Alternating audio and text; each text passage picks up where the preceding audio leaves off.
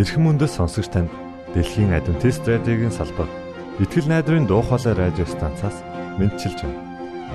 Сонсогч танд хүргэх маань нэвтрүүлэг өдөр бүр Улаанбаатарын цагаар 19 цаг 30 минутаас 20 цагийн хооронд 17730 кГц зөвлөлтөөр 16 метрийн долгионоор цацагдж байна. Энэхүү нэвтрүүлгээр танд энэ дэлхий дээр хэрхэн аз жаргалтай амьдрах талаар зарчим болон мэдлэгийг танилцуулахдаа бид таатай байх болноо. Таныг амарч байх үед аль эсвэл ажиллаа хийж байх зур би тантай хамт байх болноо.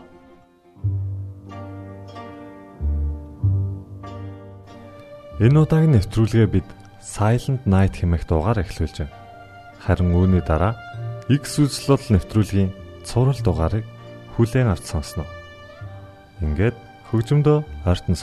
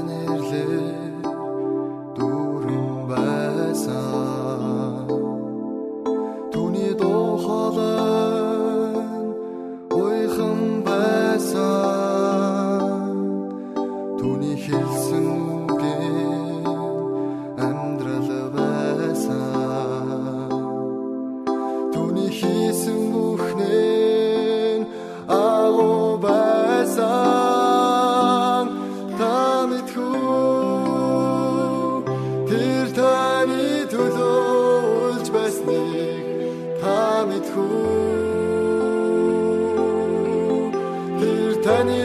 шаналсан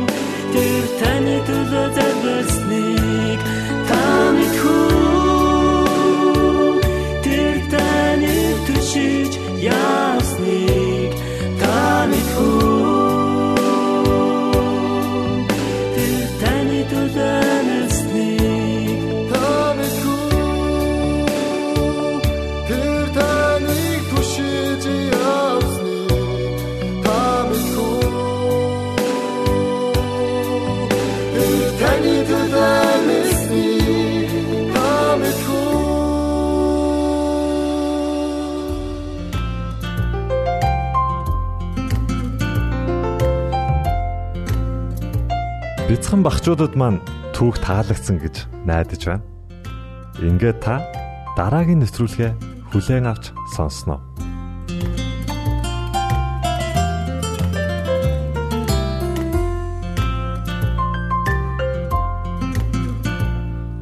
Гимшлийн үчил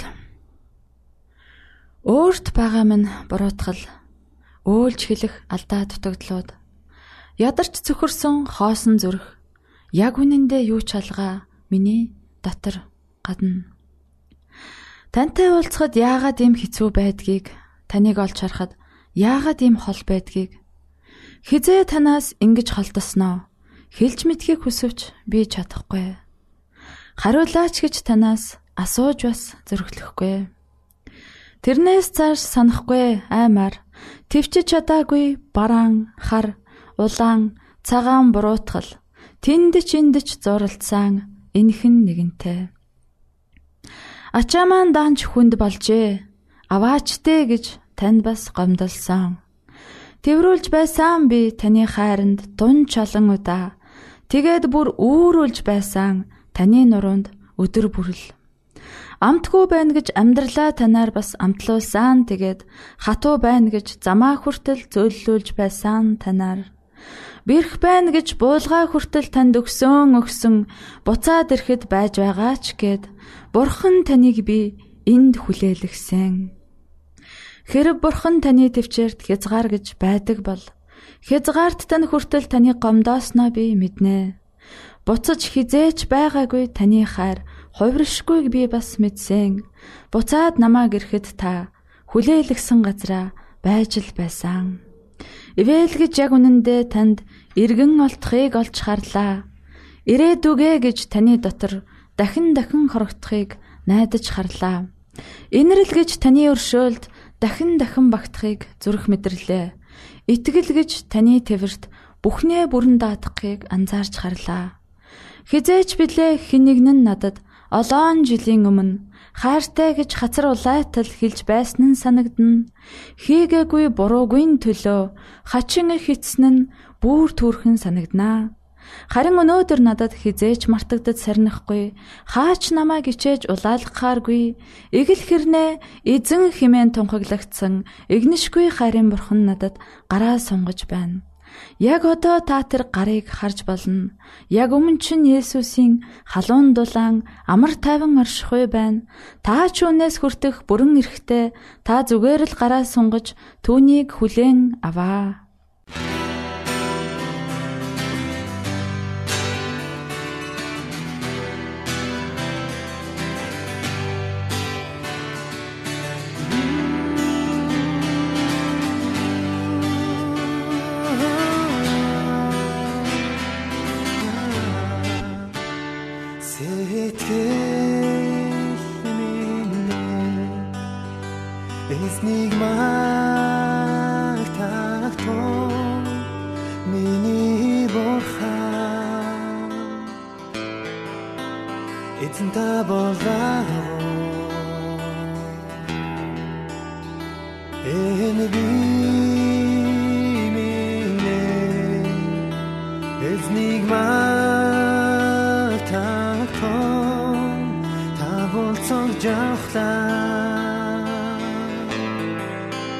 Сүрхөчээр хоцсаа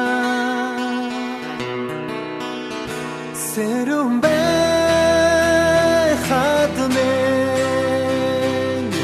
танат та хамт байдаг тоо Сэкэрмэн таны. Үнэгэн шөнөрч махтан дурнаа Ойртоход залдангийн дундаарч магтана Сэтгэл минь эзнийг магтах миний бурхан Эзэн та болдаа Энэ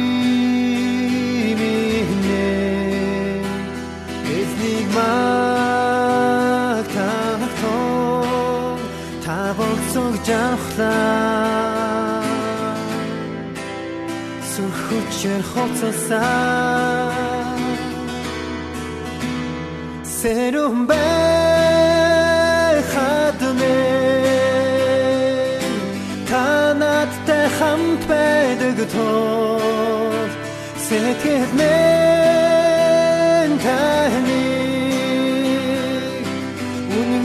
Үнэн шинорч махтан дурнаа Ойтхор зовдонгийн дондаас ч махтана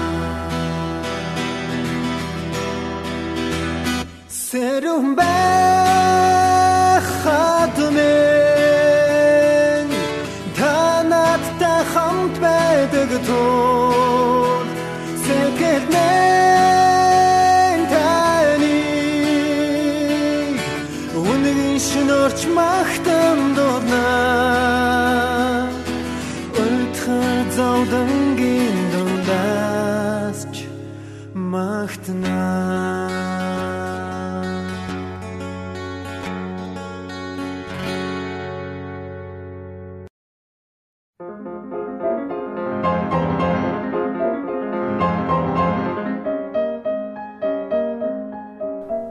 Уран зохиолын цаг.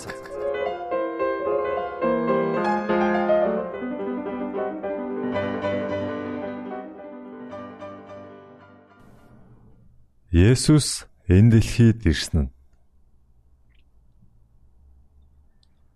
Галилийн уул толгодын дунд аших Назар хэмээх бяцхан суурьнд Йосеф Мари хоёр амьдран суудаг байв.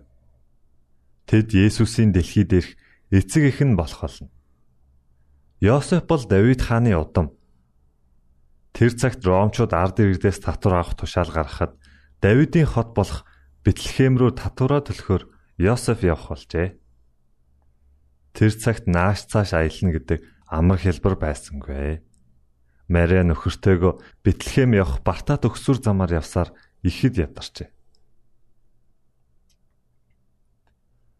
Хөөхий бүсгүй тухтай сайхан амрах газар хүрсэн гэж хичнээн хүсэж байсан бол харамсалтай нь ойтсон газарт нь дэм буудлууд хэдийнэ дүүрсэн байлаа. Баян эрх мэдэлтэй нэгэнд тогтой сайхан газар олдож байхад хөөхий энхүү даруухан аялагчд малын сарвчанд хоноглохоос өөр аргагүй боллоо.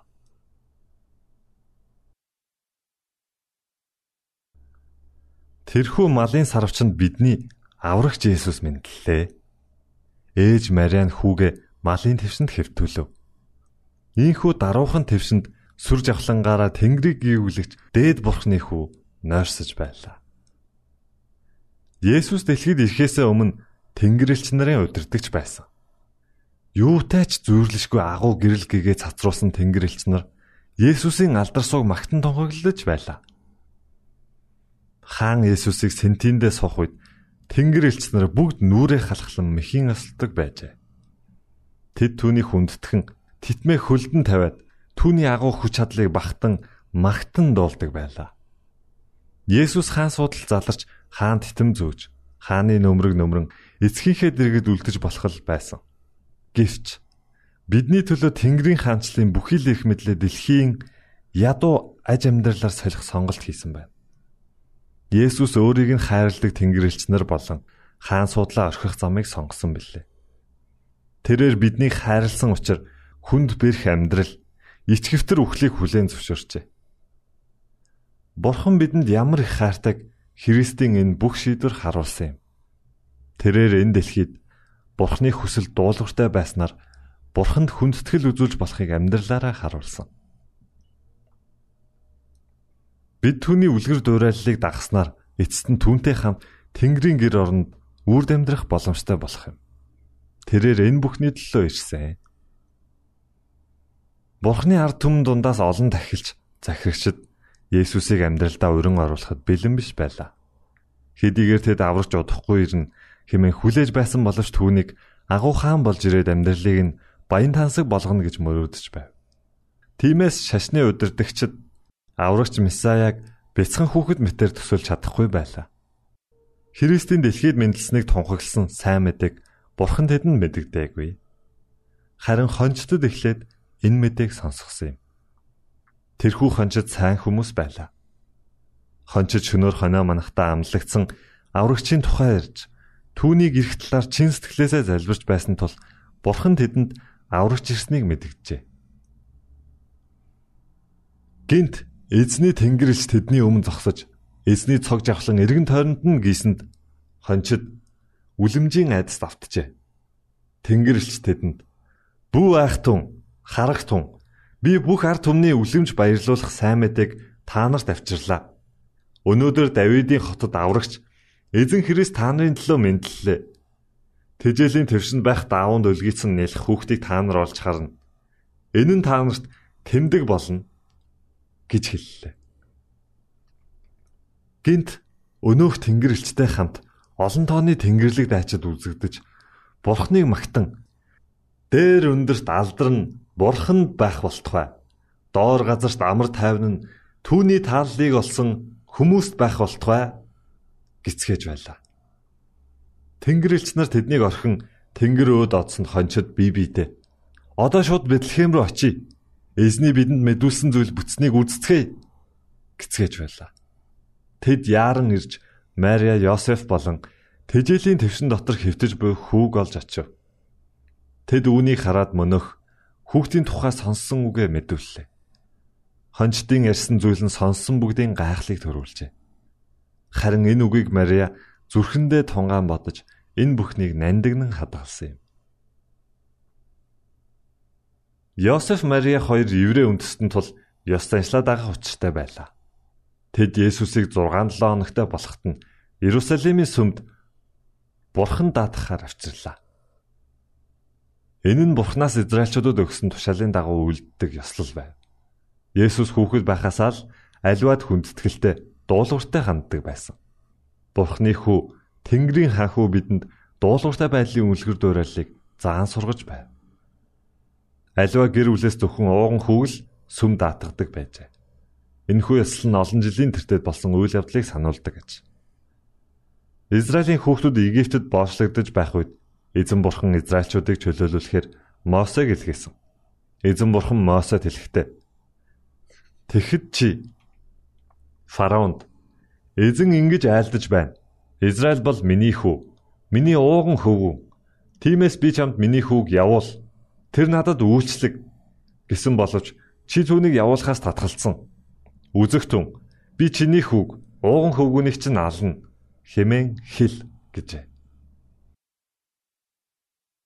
Энэ үгийг Мосе хаанд дамжуулсан. Харин фараон эзэнгэгч хэн болоод Израилийг явуул гэсэн юм бэ? Түүний үгийг би яагаад авах ёстой юм бэ? Би эзнийг мэдэхгүй. Израилийг ч явуулахгүй гэж хэлв. Ингээд эзэн бурхан Египтчүүдийн дээр аимшигт гамшиг илгээв. Хамгийн сүүлчийн буюу 10 дахь гамшиг айл бүрээс буюу эгэл ард хаад ноёдын жалгаагүй ууган хүүгийн амийг авах гамшиг байлаа. Харин эзэн бурхан Мосед Израиль айл бүр хураг гаргах ёстой гэж тушаасан. Израильчүүдийн төхөрсөн хургийнхаа цусыг гэрийнхээ хаалганы татхандаа түрхэх ёстой байв. Энэ үйлдэл нь Израиль айлын дээгүр үхлийн элч өнгөрсөн ч хэнийг ч устсахгүй ба харин бардам ирэх бардам ихэмсэг Египт айлын дээрээс үхлийн сэтгэл буухыг бэлэгдсэн байв. Дээгүр өнгөрөх ёслолын энэ цус бол Христийн цусыг төлөөлж байгаа гэдгийг еврейчүүдэд сануулдаг юм. Цаг нь болохоор бурхан өөрийн цорын ганц хүүгээ тэр хураг адил өргөл болгон илгээхэд хүүд итгэгч хүн бүр мөнхийн үхлээс аврагдах болно. Библи Христийг бидний дээгүр өнгөрөх баярын хураг гэжээ. Итгэлээр бид түүний цусаар аврагдана. Ийхүү Израиль айл бүр эрт цагийн тэрхүү өхлийн гамшихаас үр хүүхдүүд нь аврагдсныг санан дурсаж ууган хүүгээс хүм даатгадаг болсон бөгөөд энэ нь хүм бүр мөнхийн үхэл гэм нүглээс аврагдах боломжтойг бэлэгддэг ажээ. Сүмийн тахилч ууган хүүг гар дээрээ өргөн тахилын ширээний өмнө аваачдаг. Ийхүү ууган хөвгүүдийг бурхны өмнө даатгадаг байлаа. Тахилч хүүг Эхтэн буцааж өгөөд хүүгийн нэрийг Израилийн ууган хөвгүүдийн нэрс бичсэн хуйлмал бичээс эсвэл номонд бичдэг байсан. Үүнтэй адил Христийн цусаар аврагдсан хүн бүрийн нэр амийн номонд бичигдэх болно. Та уран зохиолын цаг навтруулыг бүлээн авч сонслоо. Дараагийн дугаараар уулзтлаа. Түр баярлалаа.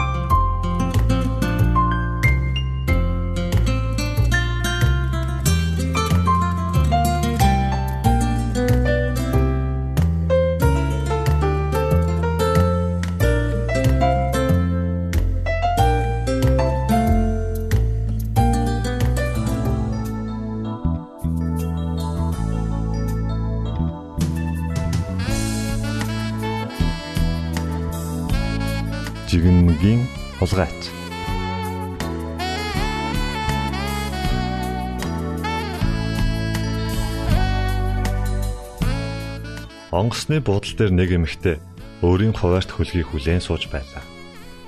Онгоц нисэх хүртэл нилээд урт хугацаа байв. Тимээс онгоцны буудлын дэлгүүрээс нэг жигнэмэг, нэг ном худалдан авчээ. Ингээд өөртөө нэг судал олж авч суугаад номоо шимтэн уншихын зэрэгцээ хаяа нэг гараа сунган жигнэгээ нэг нэгээр нь авч идэж байлаа. Хэдийгээр хамаг анхаалаа номдоо төвлөрүүлсэн байсан ч хажууд нь ирж суусан нэг залуу өөрийнх нь жигнэмнээс хээв нэг аван идээд байгааг анзаарахгүй байхаар байсангүй. Залуу хээв нэг идээд байхаар нь бүр дургүй нөхөрч эхлэв. Хэрвээ би боловсон хүн биш байсан бол энэ залууг нэг сайн дэлсээд авахгүй юу гэж бодож байлаа.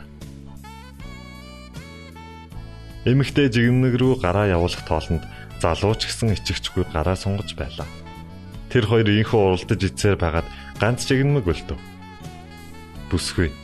Одоо энэ яах вэ гэж бодож чамжаагүй байтал нөгөө айхтар залуу гараа сунгаад үлдсэн ганц жигмэгийг аван дундуур нь хоёр хуваагаад талыг нь эмэгтэйд өгөв. Залуугийн энэ байдалд хүүхний уур маш их хүрсэн ч арай хэж бие барьлаа. Яг энэ үед эмэгтэй явах чиглэлийн онгоц зорчигчдоо дуудан зарлаж эхлэв. Эмэгтэй залуугаас салахын төс болон баярлаж хурдхан босон цүнх номоо аван босчээ. Жигмэгийн хулгайч руу ч эргэж харсангүй. Ингээд онгоцондоо ороод сандал дээрээ тухлан суугаад цүнх рүүгээ гараа явуулснаа дуу алдав. Учир нь онгоцны буудлын дээрээс авсан жигмэг нь цүнхэнд нь байж байлаа. Эн чинь одоо юу вэ? Энэ миний жигнэмэг юм бол яана гэж өөрийн ирэхгүй дуалтав. Залуу жигнэгийг нь дураараа авч идсэн эмэгтэйд юу ч хэлээгүйгээр барахгүй сүүлийн жигнэгээ хүртэл хуваажээ. Уучлалт гуйхад хэтэрхий ороцсныг ойлгож байна. Хүний имийг зөвшөөрлгүй хээвнэг дураараа авч идсэн жигнэгийн хулгайч бол тэр өөрөө байлаа.